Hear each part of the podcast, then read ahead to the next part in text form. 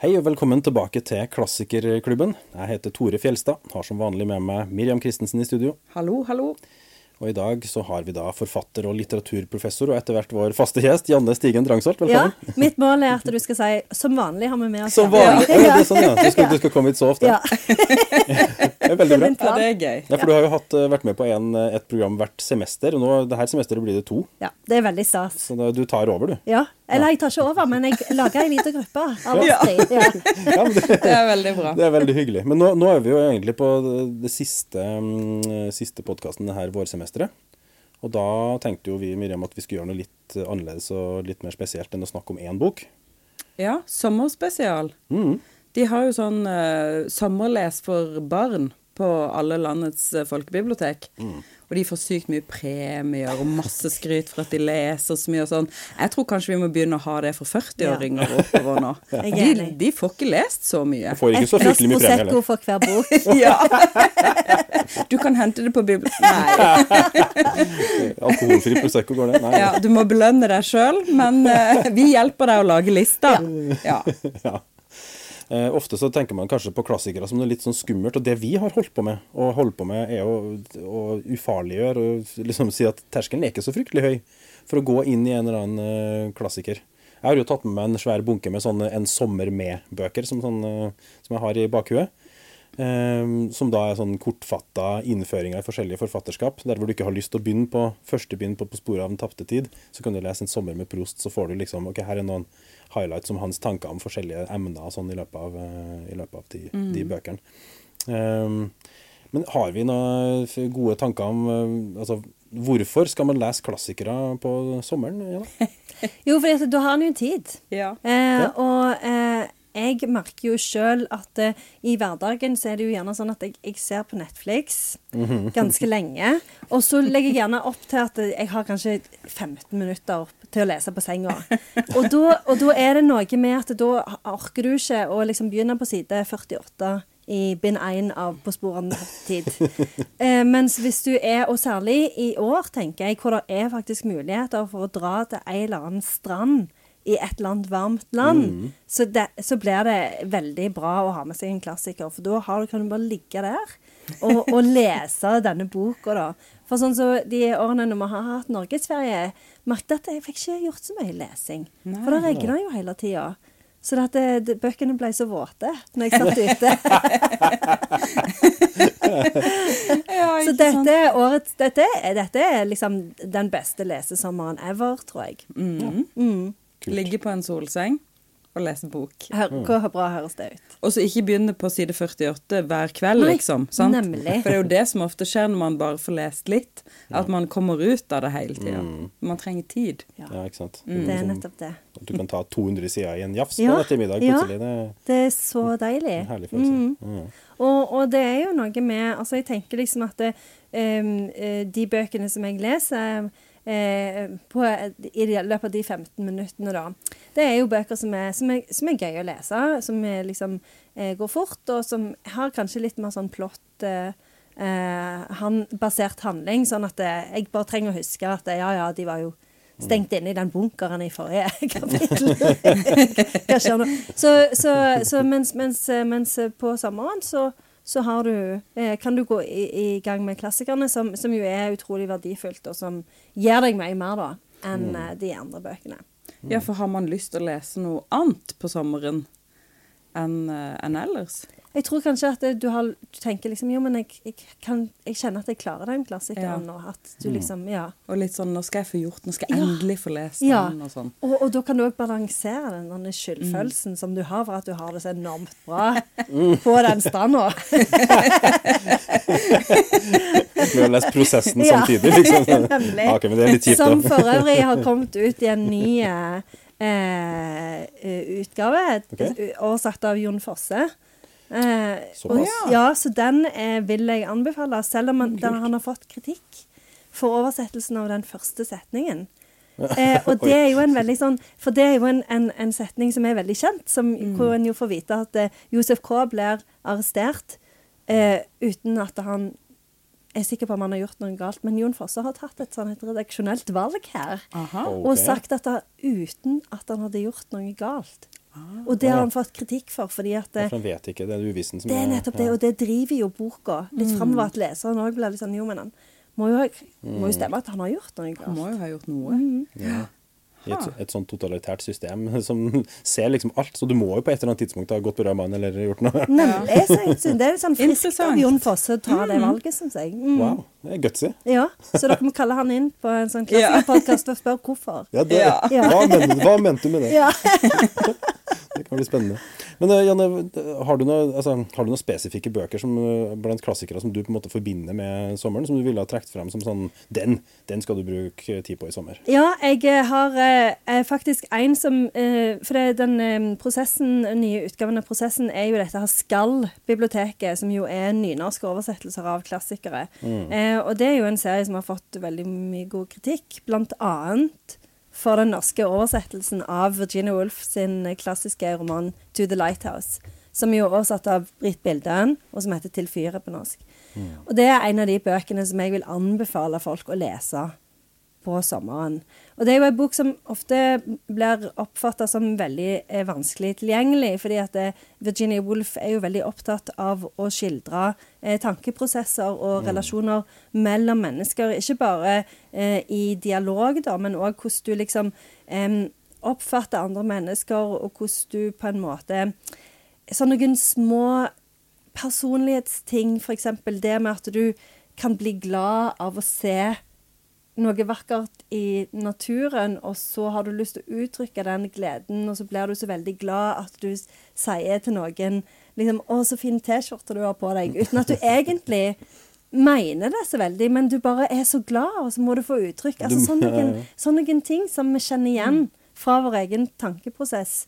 Eh, så, så, men, men fordi det er så mye fokus på det, og fordi det er så lite fokus på ytre handling, så er det eh, ei bok som, som en gjerne eh, syns Som noen kanskje kan synes er litt tung å lese, da. Ja, kan, du, kan du minne oss på slags, hvordan du oppsummerte den eh, Ja. boka i denne klassikersammenhengen? Ja, den oppsummerte jeg som engelsk eh, fer- ferierende familie. Eh, klarer ikke å bestemme seg for om de skal dra til fyret eller ikke.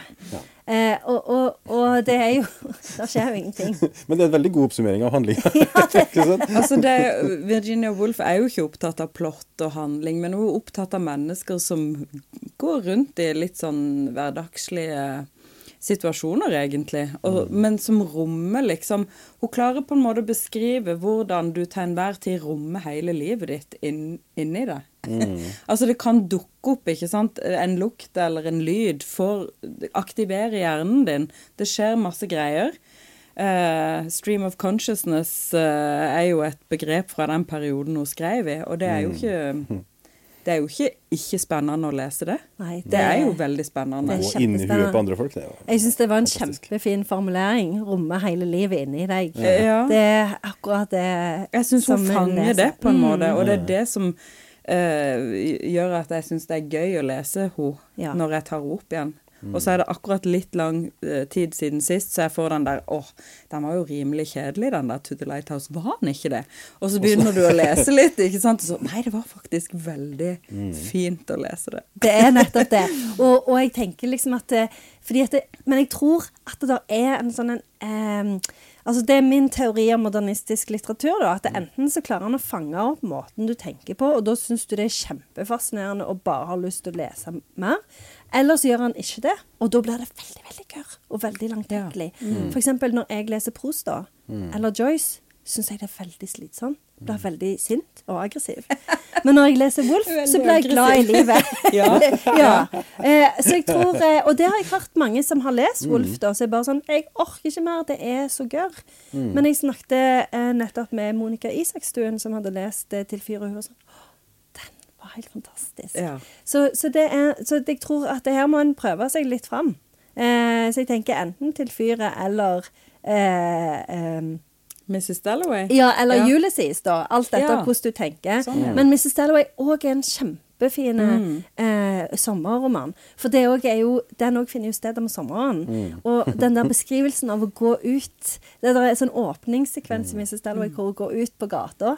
Den tenker jeg alltid på på en sånn en fin junidag hvor du åpner døra, og så kjenner du at sommeren liksom strømmer inn. Ja, ja. Herlig. Men det, til fyret har jo den her, er jo i tre deler, har den her mellomsekvensen hvor du egentlig bare følger huset, sommerhuset, som liksom tida som går. Det er jo altså, Komprimert eh, veldig tid. uten, altså, og er så flink til å beskrive liksom, stemningene og altså, sesongene som får passere. og ja, Luktene og følelsen av sommer. Så jeg, jeg støtter deg helt i den der sommerbokvurderinga der, altså. For den, eh, Den er En veldig fin. flott Og så- lesing. Og så hørte jeg en sånn en utrolig interessant podkast den andre dagen som handla om spanskesyken. Fordi at det, eh, det var jo eh, Nå ble jo den skrevet i 1927, da, så var jo noen år etter pandemien. Men likevel så lå det jo der, og jeg bare tenkte litt på dette her med For den podkasten handla delvis om hvordan vi eh, husker krig mye bedre enn vi husker pandemier. Så det er jo eh, Ofte er det jo sånn at modernismen ses på som en reaksjon på første verdenskrig. Men eh, eh, etter å ha tenkt på den eh, podkasten, så tenker jeg at det like mye kan ses på som en reaksjon på den pandemien. For han sier jo at den slutta, at den varte i to år. Men egentlig, hvis du ser på brev og dagboksnotater og sånne ting, så varte den mye lenger. Eh, det høres og- litt kjent ut, det her. ja, det er nettopp det. Og, og, og, og den der når jeg bare tenkte på den midtsekvensen, hvor tiden beveger seg helt annerledes og synes å stå stille på en måte, samtidig som du ser de konkrete mm. eh, eh, konsekvensene av at tiden faktisk Altså hva tiden gjør. Eh, eh, jeg bare fikk en eh, For jeg leste den nettopp på ny, eh, og jeg fikk en veldig sånn sterk covid-følelse av å lese den. Så, så det, det er noe der, tror jeg, som er blitt litt sånn underkommunisert, da. Mm. Ja, interessant. Mm. Ja, det var litt interessant. Eh, og så er det jo dette her med Selv om eh, det er jo ikke en eh, kjernefamilie på Syden-tur eh, de er på, men likevel så er det et eller annet med liksom, å beskrive det med å være en familie på ferie. Ja. Og alle de der ulike sånn Nå vil jo han Det er jo den lille sønnen James som vil til fyret. Og så vil mor, og mora liksom Ja. Og så er mor sånn Jo, jo, vi kan sikkert det. Og så er faren sånn Nei, nei, det blir dårlig vær. Og det er liksom denne irritasjonen når far ikke kan spille på lag og lyge litt og være litt positive. Grinebiter, altså. Ikke sant? Alt kan for ødelegge. Og håper liksom Nei, Ja. glem det. Det blir regn! Ja. Ja. Shut up! Å, kult, da. Realismen. Men Miriam, har du en, eh, en, eller annen bok som du på en måte forbinder Altså en klassiker da, som du forbinder med sommeren, eller som du trekker frem, eller som folk bør trekke frem om sommeren? Altså, jeg har ikke sånn at denne boka leser jeg hver sommer, og selv om jeg kanskje skal begynne å lese To the Lighthouse Ja. nå hver sommer. Det blir tradisjon, det. I juni, liksom. Ja. Men, eh, men jeg tenkte litt på sommerlesing. Er det Jeg tror egentlig at man må ta et valg. Man må bestemme seg for noe. Enten så skal du lese den der kjempelange boka du aldri har fått lest ennå, f.eks. Middlemarch av George Eliot, eller et eller annet sånt prosjekt, ikke sant? Men for min del så har jeg tenkt på både Karen Blixen og Alice Munro, som skriver ganske sånn og det er jo en litt sånn eldre klassiker og en moderne klassiker, da. Eh, for eh, der har du noveller, men egentlig noveller som er litt lange, og som rommer ganske mye. Ganske mye forskjellig. Og det, det tenkte jeg, det er sånn kanskje fin sommerlesing, for da trenger du ikke å liksom Da kan du lese én om dagen, f.eks. I et kortere tidsrom. Så kan du lese flere i slengen hvis du først har litt tid, ikke sant. Ja, og så syns jeg både altså Alice Munro sine noveller Nå er det litt lenge siden sist jeg leste om, men de, de ligger liksom inni deg et eller annet sted. Det er veldig Hun har en sånn effekt. Og jeg vet ikke helt hvordan hun får det til. For når du leser de novellene, så er det litt sånn Du føler at ikke det skjer enorme ting der. Og så skjer det allikevel eh, mye.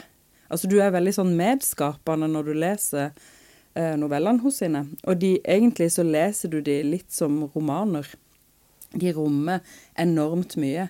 Så det er litt sånn også følelsen av det der livet som både kjennes langt og kort ut. og at det er noen sånne eh, avgjørende hendelser da, som ikke du liksom ser før lenge etterpå, kanskje. og ja, Der, der syns jeg det er veldig mye å hente, da. Mm. Altså, jeg må jo innrømme at jeg har ikke lest eh, Alice Munro i det hele tatt. Nei. Eh, beklager. Eh, Kanadisk forfatter nålevende, alltid oppe som sånn nobelprisnavn. Mm. Mm. Men jeg er mer opptatt av eh, litt som bot da, av det, det som skjer inni huene på folk, enn selve den ytre handlinga blir ikke så viktig, på en Det, måte? det er veldig mye handling fra liksom eh, landsbygda i Canada. De har Mm. jo liksom store skoger og mye gårdsbruk og sånt. Det er, og litt sånn småby. Og så er det gjerne eh, gamle dager. Altså det er liksom 30-tallet, det er 50-tallet, det er eh, Når det ikke på en måte skjer så mye, kanskje. Og ja, så er det kvinner som, eh, som er i et eller annet sånn overgangs i, i livet sitt, da, hvor, hvor det skjer en eller annen litt sånn Kanskje bare en liten ting som skjer, men det får veldig store konsekvenser, da. Ja, jeg er helt enig. Jeg òg liker veldig godt Alice Munro. Og jeg tenker at det sikkert passer veldig bra om sommeren. Fordi at, sånn som du sier, så er det jo noveller som, som, som sitter veldig i deg, som blir litt sånn overveldende kanskje i hverdagen, da. Men som du klarer liksom å forholde deg til eh, på en ferie. Og jeg liker det der med at eh, disse kvinnene jeg, jeg, første gang jeg leste eh, Alice Munro, var faktisk på en ferie fordi at jeg hadde lest opp alle bøkene mine. Og så var jeg på en sånn tilfeldig bokhandel, og det var den eneste boka de hadde. Og jeg er egentlig ikke så glad i noveller, for jeg syns det er så stor sånn forpliktelse å hele tiden begynne på noe nytt. Men, men den leste jeg hele av, og den likte jeg kjempegodt. Og nettopp det der med landsbygd og, og de, at jeg alltid, føler alltid at det begynner med at er liksom en, ja, det er en beskrivelse av et sånn Jeg ser for meg et sånn et et lite hus eh, hvor det kjører noen forbi, og så setter det et eller annet i, i Så skjer det noe. Ja. Velkommen Det, til neste episode det er litt sånn det kommer en fremmed til byen, Ja. eller, Ja, ja. eller ø, hovedpersonen sjøl må reise til et annet sted, eller det kommer et brev, eller Altså det er veldig, veldig små hendelser på en Mm. måte, men de får veldig stor plass. Mm. Og det gjør de jo på en måte i vanlige, vanlige menneskeliv. De Så gjør det er jo det. en sånn Hun ser det veldig tydelig, da. Litt interessant. Altså, sommeren er jo på en måte overgangens tid i, i livet. Det er jo da liksom ungene plutselig begynner på en ny skole, eller det du Ofte skifter man jobb på sommeren, eller så, Man kommer til feriehuset og innser at vet du hva, vi må faktisk selge det her på et eller annet tidspunkt, for at, eh, nå klarer vi ikke å vedlikeholde. det. det er liksom det er gjenkjennbare tema som blir tatt opp, da, på en måte, så det er lettere å komme inn i den stemninga, kanskje. Det? Det er helt sant, og så er det liksom et sånn det der lille frirommet, da, mellom de tingene som du Ja, ja, ikke sant? Ja, mm. Ferdig med en ting. Ja. Pause. For du tenker kanskje ikke før liksom den dagen du reiser fra feriehuset og vet at du skal hjem til hverdagen, at ja, vi må jo egentlig selge. Ja, ja, ja, ikke sant. Det er for mye jobb, vi kan ikke ta den forpliktelsen. Vi skulle ha bytta det taket. Herregud. Ja. Det er ikke alle forunt å ha et feriehus, da, men, eh, men det, det er gjenkjennbar problematikk. Ja, jeg vet ingenting, jeg bare gjetter. Det er sikkert sånn å ha feriehus. Jeg, har lest meg til det. Det er jo fordelen med å lese mye, ikke sant? du kan leve deg inn i andres liv. Så vi, vi kan jo det her. Jeg har jo tatt med et et par bøker, riktignok, men um, Miriam driver og mobber meg så mye, for jeg er så opptatt av små bøker. Altså, Tynne. me- Sånn merkelig fetisj for tynne bøker. da. Eh, der ser du det. Der ser du på fjeset ditt. Altså. Ah, nå kommer det der igjen. Eh, men, eh, men det er et eller annet med å Altså, det finnes så utrolig mange bøker. Det finnes så utrolig mye litteratur. Jeg sliter ofte med det der at jeg har problemer med å komme inn i ei bok igjen. Jeg har kommet 100 sider inn, og så har, jeg liksom, har det gått en måned. Og så Fankeren, hvem var det igjen, da? Jeg gidder ikke å begynne på nytt. Så jeg finner noe annet. Da er tynne, små bøker veldig fint. Og jeg har tatt med The Great Gatsby. Både fordi at det er en bra bok, men også fordi at det er en litt misforstått bok. Eh, Vi lever jo i en eh, litt sånn eh, overflatefiksert tid nå, som speiler den tidsperioden som er i, Great Gatsby veldig godt. Handlinga er jo ganske enkel og nesten sånn såpeoperaaktig. Du har en fyr som heter Nick Carraway, som er da en student som har flytta fra Midtvesten til New York for å jobbe i finans. Og han bosetter seg på eh, et sted på Long Island hvor det er en sånn mystisk eh, fyr som bor i et digert herskapshus, som holder noen sånn helt gigantiske fester, som er rett ved siden av. da. Og det er jo en fyr som heter Jay Gatsby. Og han her Gatsby-figuren er tydeligvis noe som Nick eh, blir veldig fascinert av, da. Og driver og prøver å nøste litt og finne ut hvem det er, og hva, hva er greia med han, liksom. Greia med Gatsby er at han er veldig opptatt av ei ung dame som har avvist den på et tidspunkt i fortida, fordi at han var, fremgår det, fattig på det tidspunktet. Og nå har han kommet til penger. Og bruker masse penger og masse ressurser på å prøve å imponere hun dama som nå siden har gifta seg med en annen fyr. da, eh, Og prøve å vinne tilbake. Han har aldri hatt det, da, men han vil, han vil oppnå hennes gunst og kjærlighet og osv. osv. Og noe av det som er fascinerende med boka, syns jeg, det er at alle karakterene er egentlig veldig sånn selvsentrert, opptatt av å prøve å leve sine liv gjennom noen andre. Altså lykka deres ligger alltid hos noen andre. Det er sånn, Jeg vil oppnå kjærligheten hennes, jeg vil oppnå hans gunst. jeg skal prøve, Ingen av dem klarer på en måte å være komfortabel i seg sjøl. Mm. Og så er det et eller annet med de her store festene som da blir veldig hul. ikke sant? Fordi Istedenfor liksom, nå skal vi kose oss sammen, så er det alltid et sånt middel for å oppnå noen ting. Jeg må bruke penger for å prøve å imponere hun, jeg må prøve å liksom, gjøre noe med det forholdet så jeg kan bryte opp dem. så jeg kan bli... Og, og det der liksom det såpeoperaaktige kommer. Men, men den er skrevet på en veldig fin måte. Den har en veldig sånn veldig sånn pussig, litt sånn hva skal vi kalle det, selsom stemning. Når du leser den, så ser du at det her er jo ikke ekte liv de lever, liksom. De klarer jo ikke å være ærlig ærlige mot seg sjøl. De klarer ikke å De oppnår aldri det de vil, da. Fordi at de leter etter noe annet enn det de egentlig trenger. Men det som er misforstått, da, syns jeg, er at nå begynner det å komme veldig mye sånn Gatsby-temaparties. For at, altså, det er jo 100 år siden her. ikke sant? Ja. Og vi blir litt blenda om den glitz og glamour-saken. Estetikken er veldig viktig, spesielt etter at det har blitt filmatisert et par ganger. Så alle skal liksom sånn Å, vi tar en sånn 20-tallsfest, sånn Gatsby-fest. Og så er det ironien i at liksom, å, nå skal vi kose oss og ha det gøy med, ved å kopiere en fest som egentlig er totalt Veldig trist. trist og hul og romma, ja. altså, tømt for innhold, på en måte. da. Um, jeg syns det, det, er litt fascinerende. Og det, det, viser jo at, måte at tida gjentar seg litt. For vi er egentlig litt i en sånn tid hvor fasadene er veldig viktige. Eh, hvor vi er opptatt av hvordan vi fremstår og hvordan vi ser ut utad. Men så er det kanskje litt hult innvendig hos mange nå også. Jeg, jeg tror denne boka passer veldig godt eh, også i dag. Ja, og så er det jo ganske interessant òg det der med for hun Daisy, da, som mm. jo Gatsby er eh, opptatt av å prøve å vinne, hun er jo en veldig sånn eh, det er jo litt sånn chivalric love-aktig objekt, med sånn, mm. sånn som en hadde i ridderromanser, hvor eh, ridderen skrev dikt til en sånn en eh, kvinne, perfekt kvinneskikkelse som han ikke kunne få. Mm. Og som han gjerne heller ikke kunne se så tydelig, fordi hun sto oppe på en sånn balkong. så han kunne liksom bare se sånn i det fjerne. Eh, og, og, der er jo eh, Poenget med de diktene er jo absolutt ikke kvinnen, da. Fordi at hun er helt irrelevant. eh, oppnåelig. Ja, hun er oppnåelig, og det skal hun være. For alt hadde jo blitt ødelagt. Altså hele den der Ja, glamouren, da, sånn så den med den festen, det hadde jo blitt ødelagt hvis han hadde fått det. Og det er jo litt sånn med Daisy òg, at han vil jo egentlig ikke ha henne. Det er jo sånn som du sier, at de vil jo ha et eller annet Altså det er helt sånn eh, Hele den jakten etter det hellige objektet er mm. ekstremt sånn eh, forvirra og, og, og feilplassert, da. Eh, og så er det jo òg Jeg syns òg det er veldig interessant, for det er jo òg en sånn tegn på den type narsissisme som en finner i det amerikanske samfunnet. Det er jo som sånn teoretikere som mener at hele den amerikanske drømmen har på en måte eksplodert og blitt erstatta av en sånn type narsissisme, da eh, som gjør at du har en hel nasjon med psykopater. så, så, så, jeg tenker at det, For dette, det er jo 20-tallet, dette her. Men det er jo mm. sånn som du sier, at det er jo enormt mange interessante paralleller som en kan dra mm. til i dag. det er jo 20-tallet det her òg, Ja, det er jo det. Og de tendensene som vi finner der, er jo i stor grad gjerne manifestert enda mm. tydeligere i vår egen tid. da. Mm. Mm. Jeg, jeg syns det er litt interessant at um, det her er jo en bok som man lærer om på skolen i USA. Uh, og så blir det liksom, som du sier, trukket paralleller til liksom, ja, den amerikanske drømmen. Det her er en allegori over den amerikanske drømmen, og man trekker inn mye sånt. Men jeg tror egentlig ikke det er en bok som passer veldig godt å lese når man er ungdom. Rett og slett fordi at uh, Ja, rett og slett fordi at det, du forstår karakterene bedre når du har levd en stund. Og har opplevd noen nederlag i livet og har liksom ser litt hvor hult det er å lete etter enkelte ting der hvor du burde ha sett etter andre ting, osv. Uh, og jeg, jeg, tror det er en bok som egner seg bedre for folk på vår alder og oppover. Ja, jeg er enig.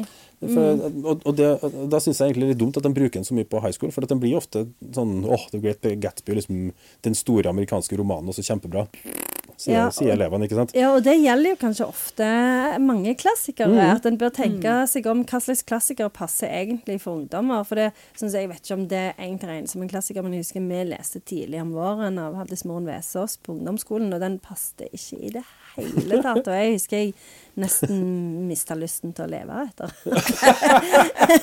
oi, oi. Så det er liksom noe med å drepe leselysten til folk òg, og jeg er enig. i Gatsby det er liksom, han er litt vanskelig å få tak på den mm. romanen når du er 17 eller 18. Ja. Jeg tror jeg leste den akkurat da når jeg var sånn 18-19. Ja. Eh, men så så jeg filmen, så for meg handler liksom Gatsby om Mia Farrow og Robert Redford Ja, ja, ja. i et litt sånn der dust pastellfarga sånn eh, Veldig vakre mennesker og veldig sånn overflate Mm. Verden, og så kommer denne Jeg syns det er alltid veldig fascinerende med fortelleren som er en sånn tilbaketrukket Sånn som han Nick, da, en sånn Mm. tilbaketrukket person som liksom aldri helt deltar. Han observerer og Men han har jo noen følelser, han også. Ja, det er jo interessant er at den sånn boka ble, ble jo ikke noe suksess da den kom heller. Altså for, det, folk visste ikke helt hva, skulle, hva slags bok er det her.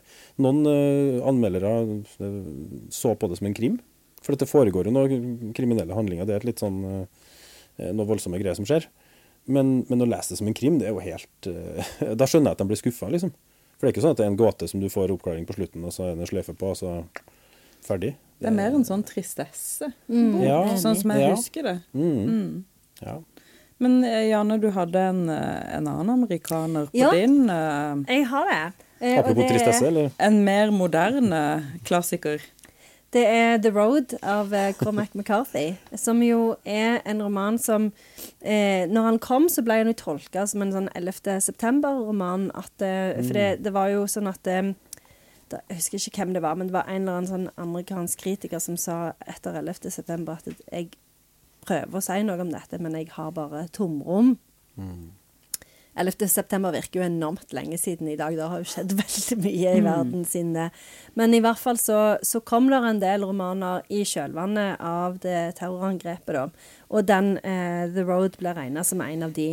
Eh, og det er jo på en måte altså Det er jo en postapokalyptisk roman, for det er jo en eller annen sånn, eh, eller sånn katastrofe som har eh, eh ramma det amerikanske kontinentet, sånn at det har bare brent opp.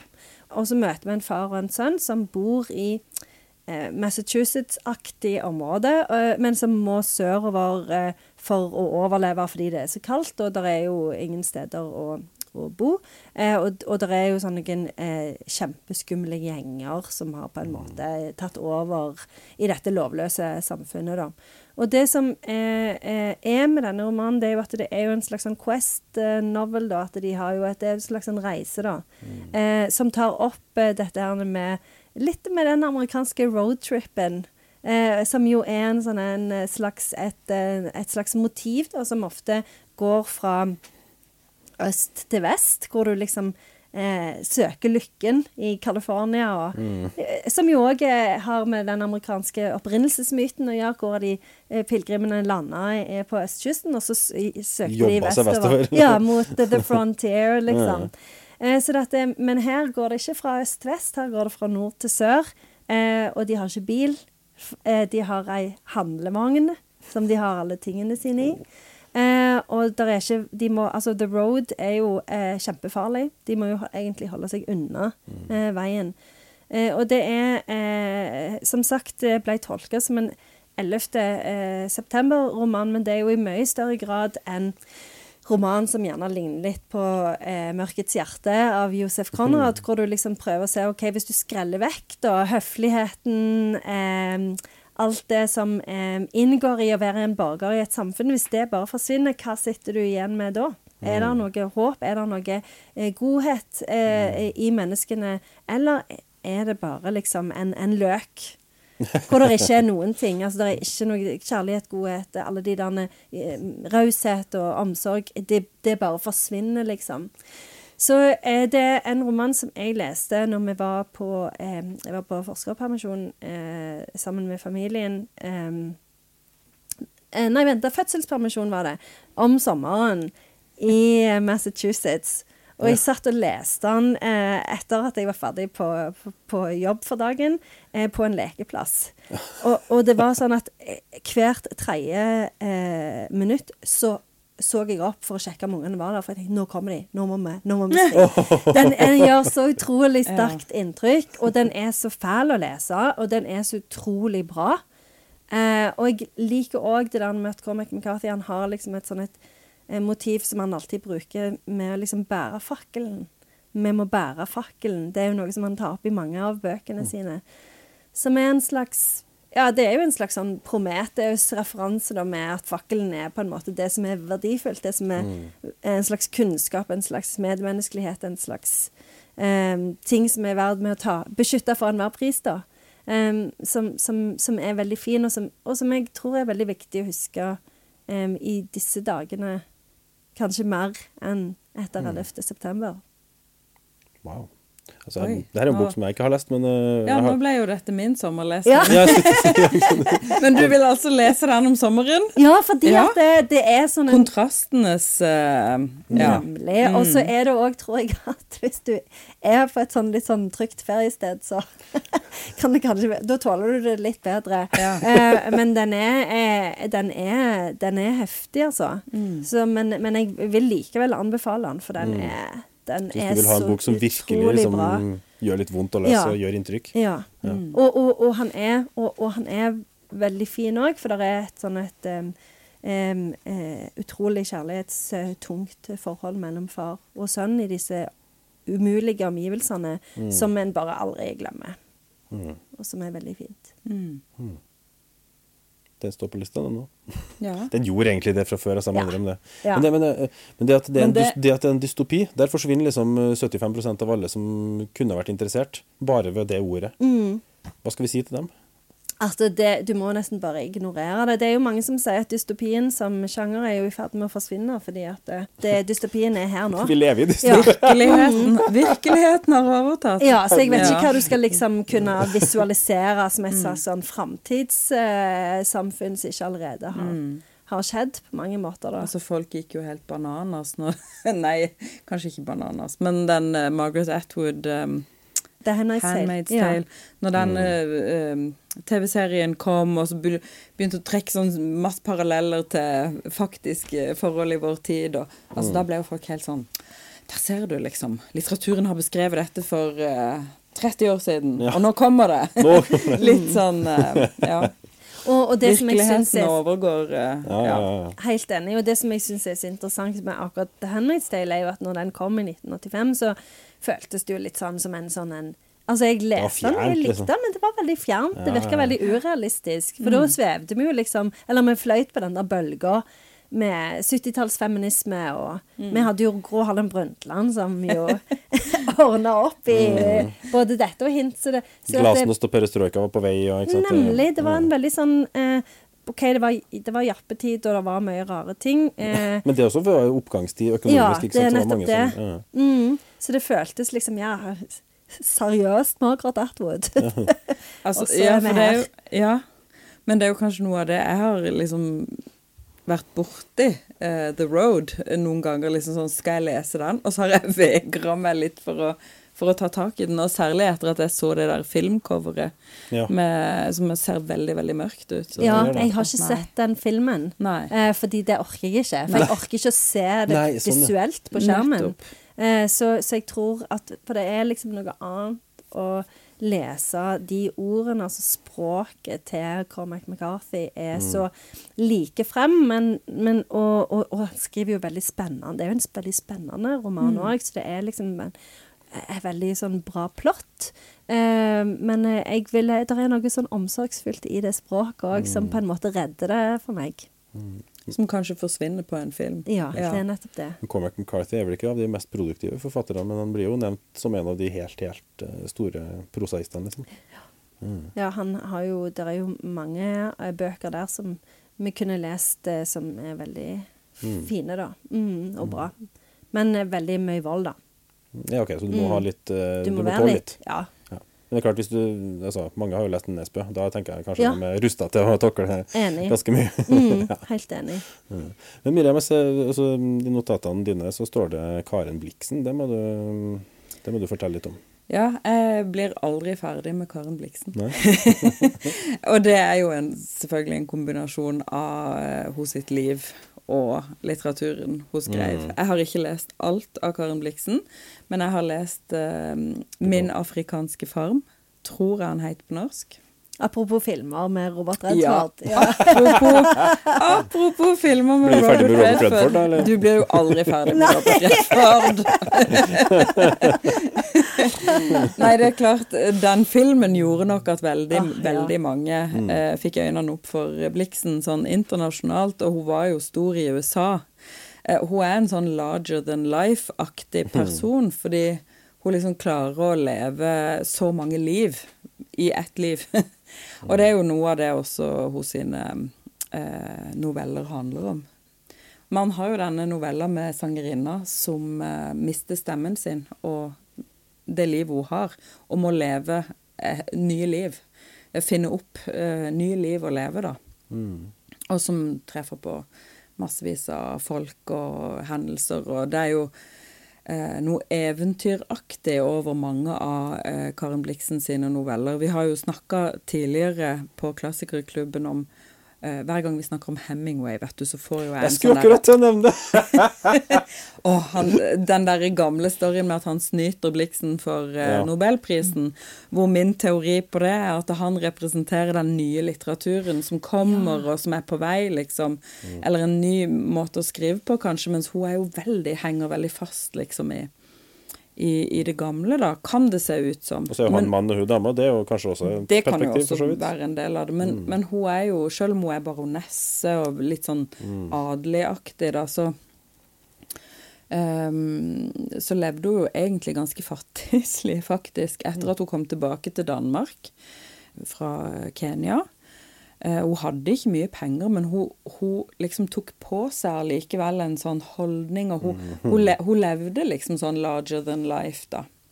Og hun gjorde masse gøyale prosjekter. Hun hadde f.eks. en innsamlingsaksjon eh, hvor hun ba alle som hørte på programmet om å sende én krone hver i en konvolutt i posten, og de skulle gå til et fond hvor hun skulle bevare eh, sånn et fuglereservat på sin eiendom rundt Rungsted Lund. Og det er kanskje derfor jeg får sånn sommervibes av Karen Bliksen, fordi jeg har vært ganske mye på Kielland, og vært på Rungsted Lund hvor hun bodde etter Kenya. Eh, mange ganger sånn om sommeren særlig, og det er en vakker hage rundt, og hun er også begravd der. og Kenya, er, Kenya er også ganske sommerlig. ja, der har ikke jeg vært. Nei, nei. Eh, Så har hun, eh, hun veldig opptatt av blomster Ja. og ja. Men så har hun disse novellene, altså fortellingene. Mm. Så hvis du på en måte vil bare inn i en sånn helt annen verden, Mm. så les de eh, fortellingene. De er veldig eventyrlige, og, men også full av Karen Bliksens dyrekjøpte livserfaring og livsvisdom. Som er evig og litt sånn storslagen, liksom. Som man av og til faktisk trenger å, å komme i kontakt med, da. Eh, fordi vi kan ikke bare lese sånn Vi kan ikke bare være i sånn hverdagslig Sånn som kanskje den neste vi skal snakke om, Karl Ove Knausgård, Min kamp. Jeg tror kanskje Bliksen er noe av det motsatte.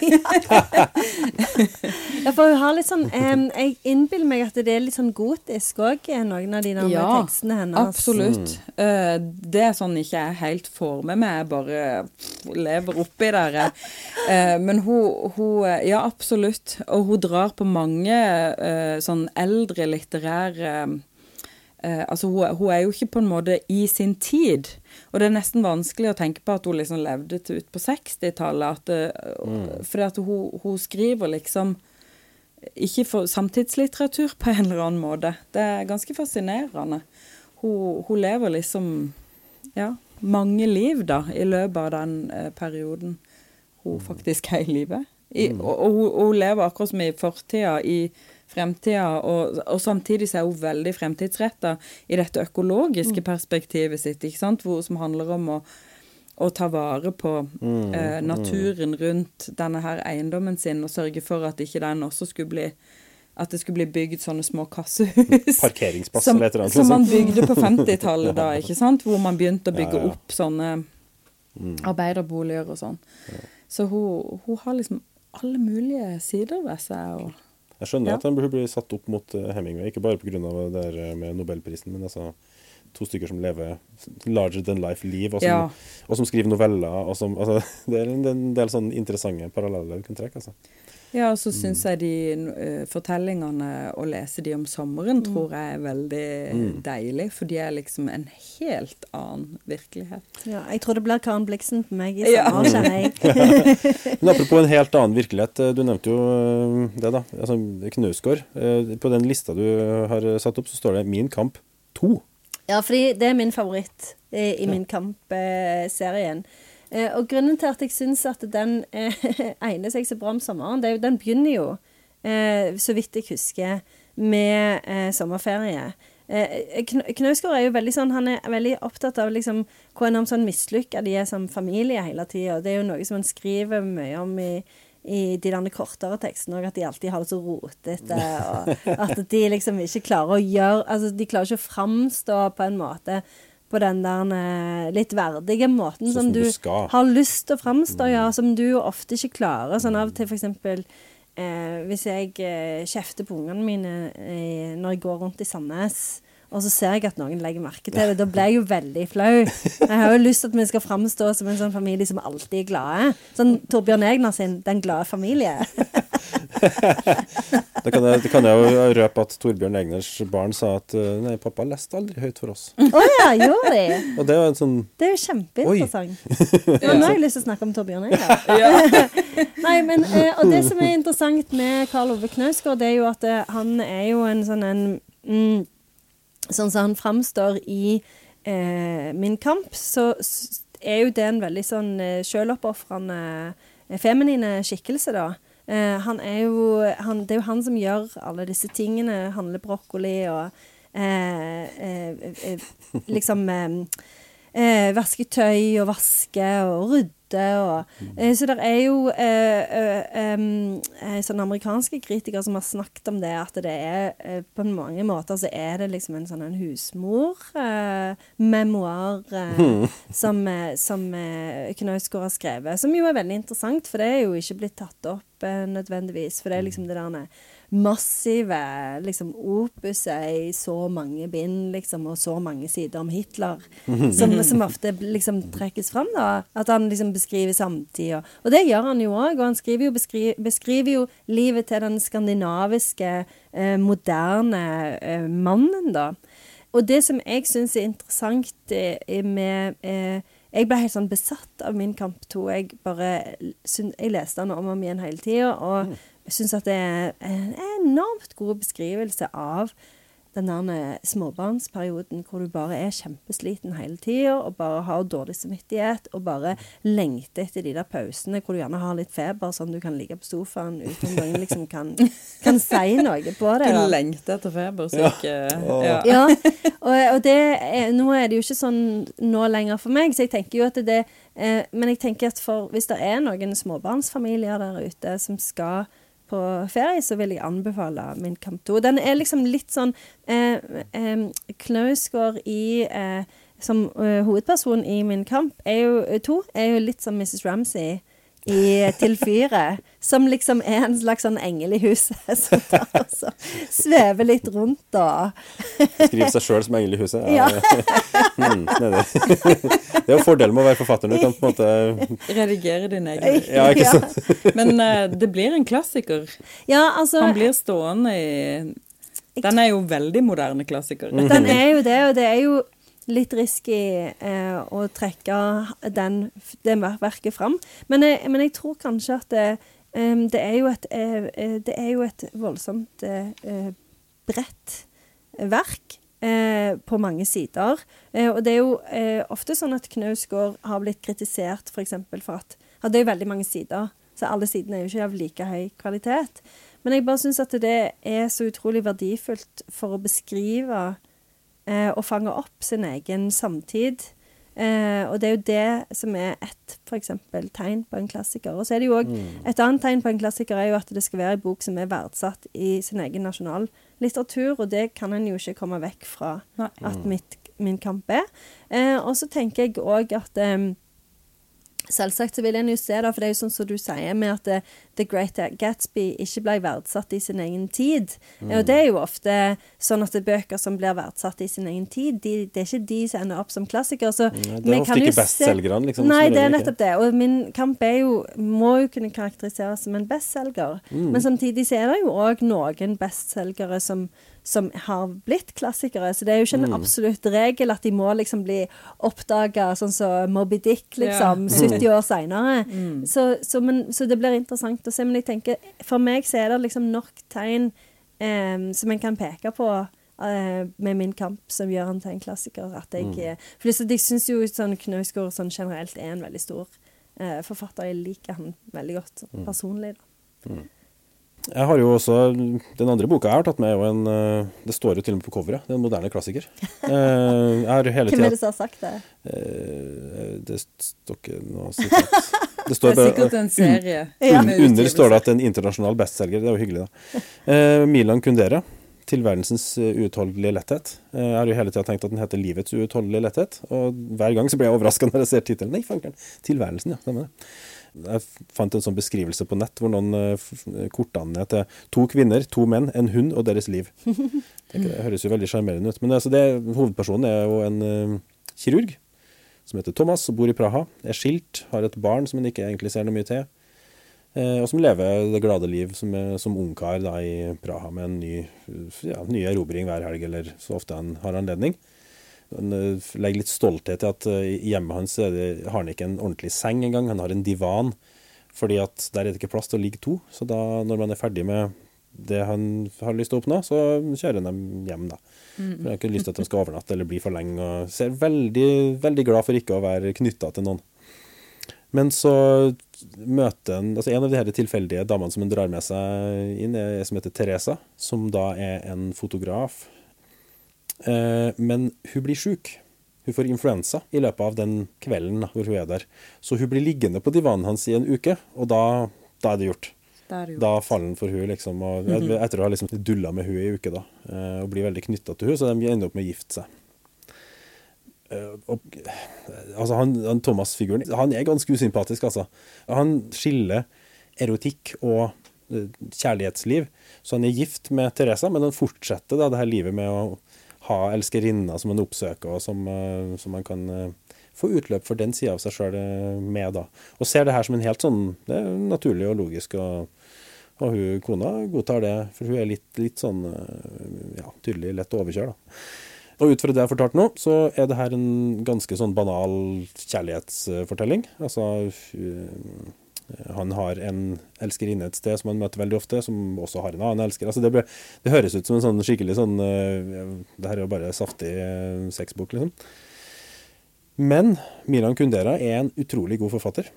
Eh, og spesielt når jeg plukka den opp igjen nå, så ble jeg minna på hvor mye mer flere lag det er på denne historien. da. Altså Allerede i åpningssetningene så begynner han å snakke om Nietzsche.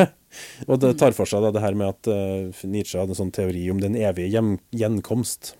Hvor altså alt som har skjedd i historien, har skjedd før. Kommer til å gjenta seg. Alt går i sykluser. Det er liksom Men Kundera, eller Thomas, da, eh, fornekter på en måte det her og snur opp ned på det og sier at vi Altså, du har bare ett liv. Det som skjer, skjer bare én gang. Det kommer aldri til å skje igjen. Så du må liksom gjøre det beste ut av den tida du har fått, fått tildelt. da. Den er bedre skrevet enn jeg huska, og husker at den var ganske godt skrevet. Eh, men jeg tenker at for den som vil ha en historie som både er en litt sånn utradisjonell kjærlighetshistorie fra Praha, en litt historisk 1968. interessant ja, en, Ja. litt, i- en, histori, en historisk interessant roman, for at den tar for seg nettopp det du sier. De, eh, altså hun, Teresa jobber som fotograf. Hun begynner etter hvert å ta en del sånn dokumentarbilder av ting som blir forbudt å ta. Fordi at det strammes inn fra myndighetene sin side, så de må jo flykte. ikke sant? Det er jo Sovjetunionens Ikke sant? eh, Når ja, tanks han ruller inn i Prahas gater. ja, for Praha-våren var en sånn oppmykning på, ja, på våren. da. Hvor liksom, ja, nå skal samfunnet åpne seg litt mer, vi skal leve litt mer fritt og sånn. Og så kommer Sovjetunionen og sier nei! Utpå høsten. Da er liksom, da er, kjent ut. Ja. Ja, og hun Ja, er jo jo en sånn gatefotograf som Mm. dokumenterer dette, og, og, og nå husker jeg Du har sett filmen, ikke sant? Robert Redford er jo ikke med i den filmen. Nei, hvem er det som spiller i? Daniel Day-? Daniel Day-Lewis, Juliette ja? Binoche og Lena Olin, ikke sant? Ja, fantastisk. stemmer det. Og Stellan Skarsgård. Ja. Ja, nemlig, ikke sant? Men det man husker veldig sånn tydelig fra den Og Lena Olin. Ja. Eh, man husker jo selvfølgelig alle de der erotiske tingene og sånn fra den filmen, men det som gjør mest inntrykk, er jo egentlig hvordan hun, Teresa våkner opp Mm. som eh, menneske, holdt jeg på å si, idet hun tar opp det fotoapparatet og får fotografert Mm. eh, studentopptøyene i Praha. Så våkner hun liksom eh, Ja, ja, ja. litt som eh, Ser- menneske. Ser hva som har verdi, på en måte. Sånn, ja. Altså, ting endrer seg Mm. dramatisk i de sitt liv også, på grunn av de historier Altså krigs... Ja, For der ligger jo litt av styrken i historien. Og det, det er jo karakterutviklingene og det altså de forskjellige ja, de, de fremstår som ordentlige mennesker, da, ikke sant. Det, det er Og hvordan man endrer litt. karakter i en Mm. krigssituasjon, f.eks., eller en um, eh, sånn ja, spesial, spesialoperasjon. Ja, Situasjon.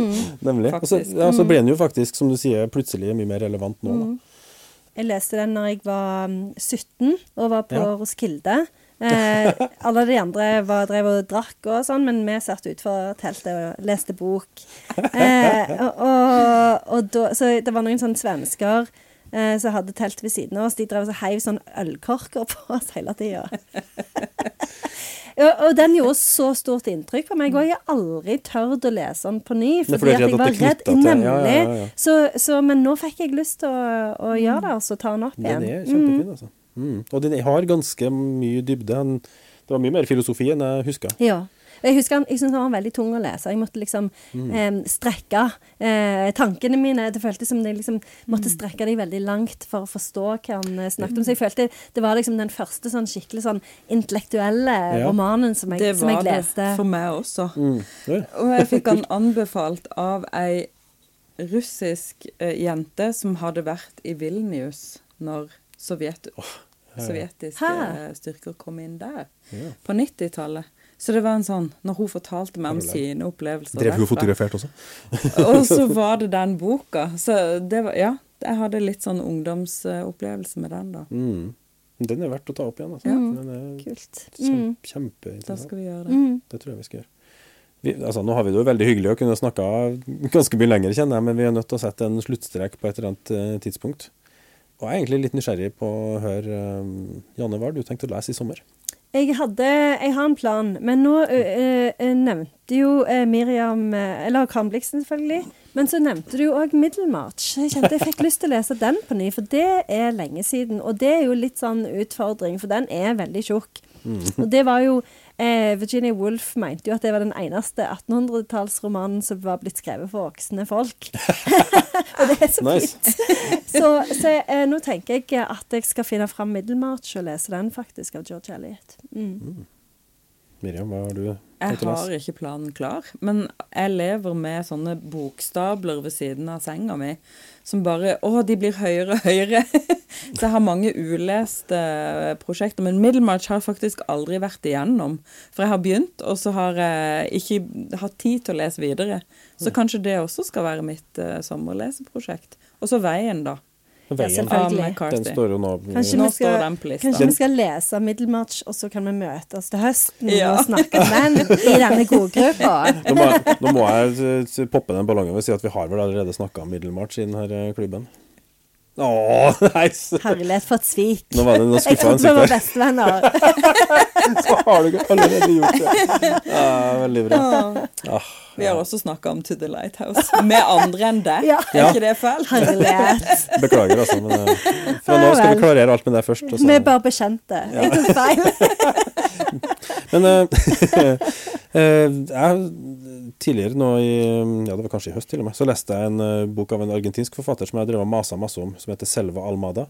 Som heter 'Døde jenter'. Som var en, sånn, en bok innenfor en sånn dokumentaristisk true crime-greie som gjorde skikkelig inntrykk. Så jeg har tenkt å gå tilbake og se på 'In Cold Blood' av Truman Capote. Capote? Capote? Capote. Capote. Og det er jo òg en veldig bra film. Ja. Mm. Hva kan jeg forvente? Dere ser ut som dere har lest den begge to. Eh, jeg ser mye nikking her, men uh, uten Ja, å spoile. Jeg, jeg likte den veldig godt. Jeg, jeg syns at det var veldig sånn eh, eh, han, han skriver jo eh, eh, på en sånn en måte som både er litt sånn at han gjør det litt spennende, som jo egentlig føles litt sånn feil når du leser. Eh, men så er det jo òg dette her med at han utvikler jo et sånn for, altså, vennskapsforhold med en av disse som var mm. Så det skinner jo òg litt sånn gjennom, selv om det er objektiv og journalistisk måte å skrive på. Men jeg likte den veldig godt. Jeg syns den var veldig spennende. Jeg tror det her blir en uh, veldig god sommer uh, i, i litteraturens tegn. Det blir den beste. Rett Mm. og slett. Forpliktende lesesommer nå. Ja. Ja. Ja. Sett i gang, folkens. da gjenstår det egentlig bare å si takk, Janne, for at du ville komme i studio, og takk for at du ville høre på. Og god sommer. God sommer. God sommer.